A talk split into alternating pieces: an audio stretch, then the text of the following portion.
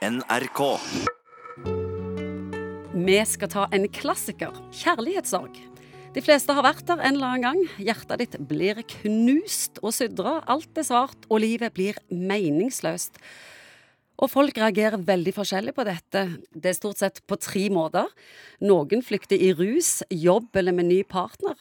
Andre ramler sammen apatisk og gir seg ende over, mens noen slåss som besatt for å få kjæresten tilbake. Psykolog Egon Hagen, det høres ikke så bra ut, noen av disse tre alternativene, spør du meg? Nei, det gjør ikke det. og Hvis vi snakker om det temaet her, så må vi jo De fleste har sikkert et referansepunkt tilbake i puberteten. Og jeg sier at uh, den første kjærlighetssorgen, og du skjønner at du, du får henne som du har vært så forelska i, det er liksom mor av all fortvilelse. Og selvfølgelig altså reagerer vi forskjellig på dette. Vi kan, Ja. kan jo bare slå på fast med en gang at det å begynne å drikke er i hvert fall definitivt ikke det lureste du kan gjøre. Men la oss begynne med hva skjer når vi blir forlatt? Det er en sånn grunnleggende sånn, Vi ønsker jo tilhørighet. Mange rundt meg som snakker om flokk og fellesskap og alt dette. Og det tror jeg er en grunnleggende greie. At vi ønsker å være en del av et fellesskap. Og unger er fra naturens side grunnleggende innstilt for å bli en del av fellesskap. Og klart, I det øyeblikket du opplever at forsøk å oppsøke da, dette pubertale fellesskapet, dvs. Si for til en du blir forelska i, og ikke dette lykkes, så vekker det veldig sterke reaksjoner. Veldig følelsesmessige reaksjoner. Du, Vi snakker ofte om krenkelser som er latterlige, men dette er jo en krenkelse som virkelig er alvorlig. Du har bydd på det beste du har, og så er det bare nei takk. Det er akkurat det det er, og, og du har liksom gitt jernet, og, mannen har framstilt seg så bra som han kan, og det er kanskje kvinner òg, og så viser jeg at dette bare det er buklandet. Og det oppleves veldig veldig, veldig sterkt. Og så er det mange som da begynner å det vi kaller ekstrapolere, eller begynner å gange dette opp. Snakk med 19 og 20 år gamle studenter som sier at de er ferdige med kjærligheten en gang for alle, fordi at det ble ikke noe med hun forrige. Og klart at når du blir gammel og hører på dette, så skal jeg ikke si jeg trakk på smilebåndet, for det gjør du selvfølgelig ikke, men du vet jo at det er ting som kommer rundt neste sving, og livet mange ganger er mye klokere enn det oss er, og mange ganger er faktisk det kjærlighetssorgen du skal være sjeleglad for. mange av de vanskelige tingene som du har strikt mot og ikke vil skal skje, har vist seg i ettertid egentlig være en velsignelse.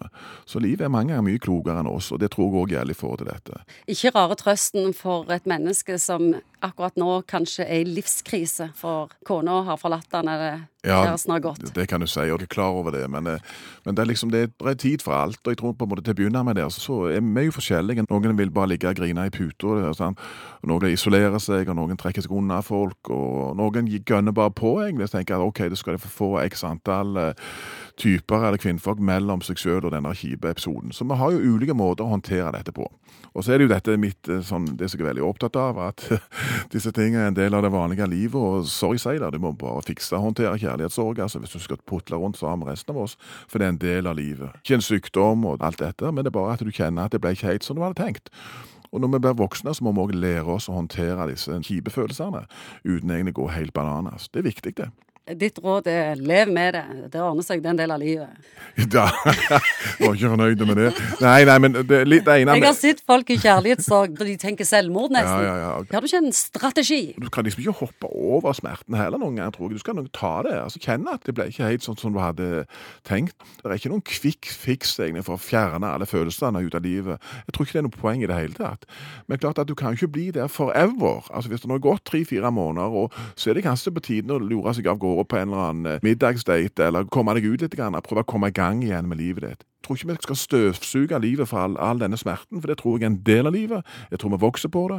Og så er det jo selvfølgelig noen da som har en, en sånn repetert avvisningssituasjon, hvor dette minner om ting som de har opplevd mange ganger før, og som da kan reagere mye sterkere på dette, og føle at nå, dette, dette er ikke bra, dette er ikke normalt. Hvis du føler at dette liksom setter seg på en annen måte egentlig enn det det har gjort hos venninner eller, eller kompiser av deg.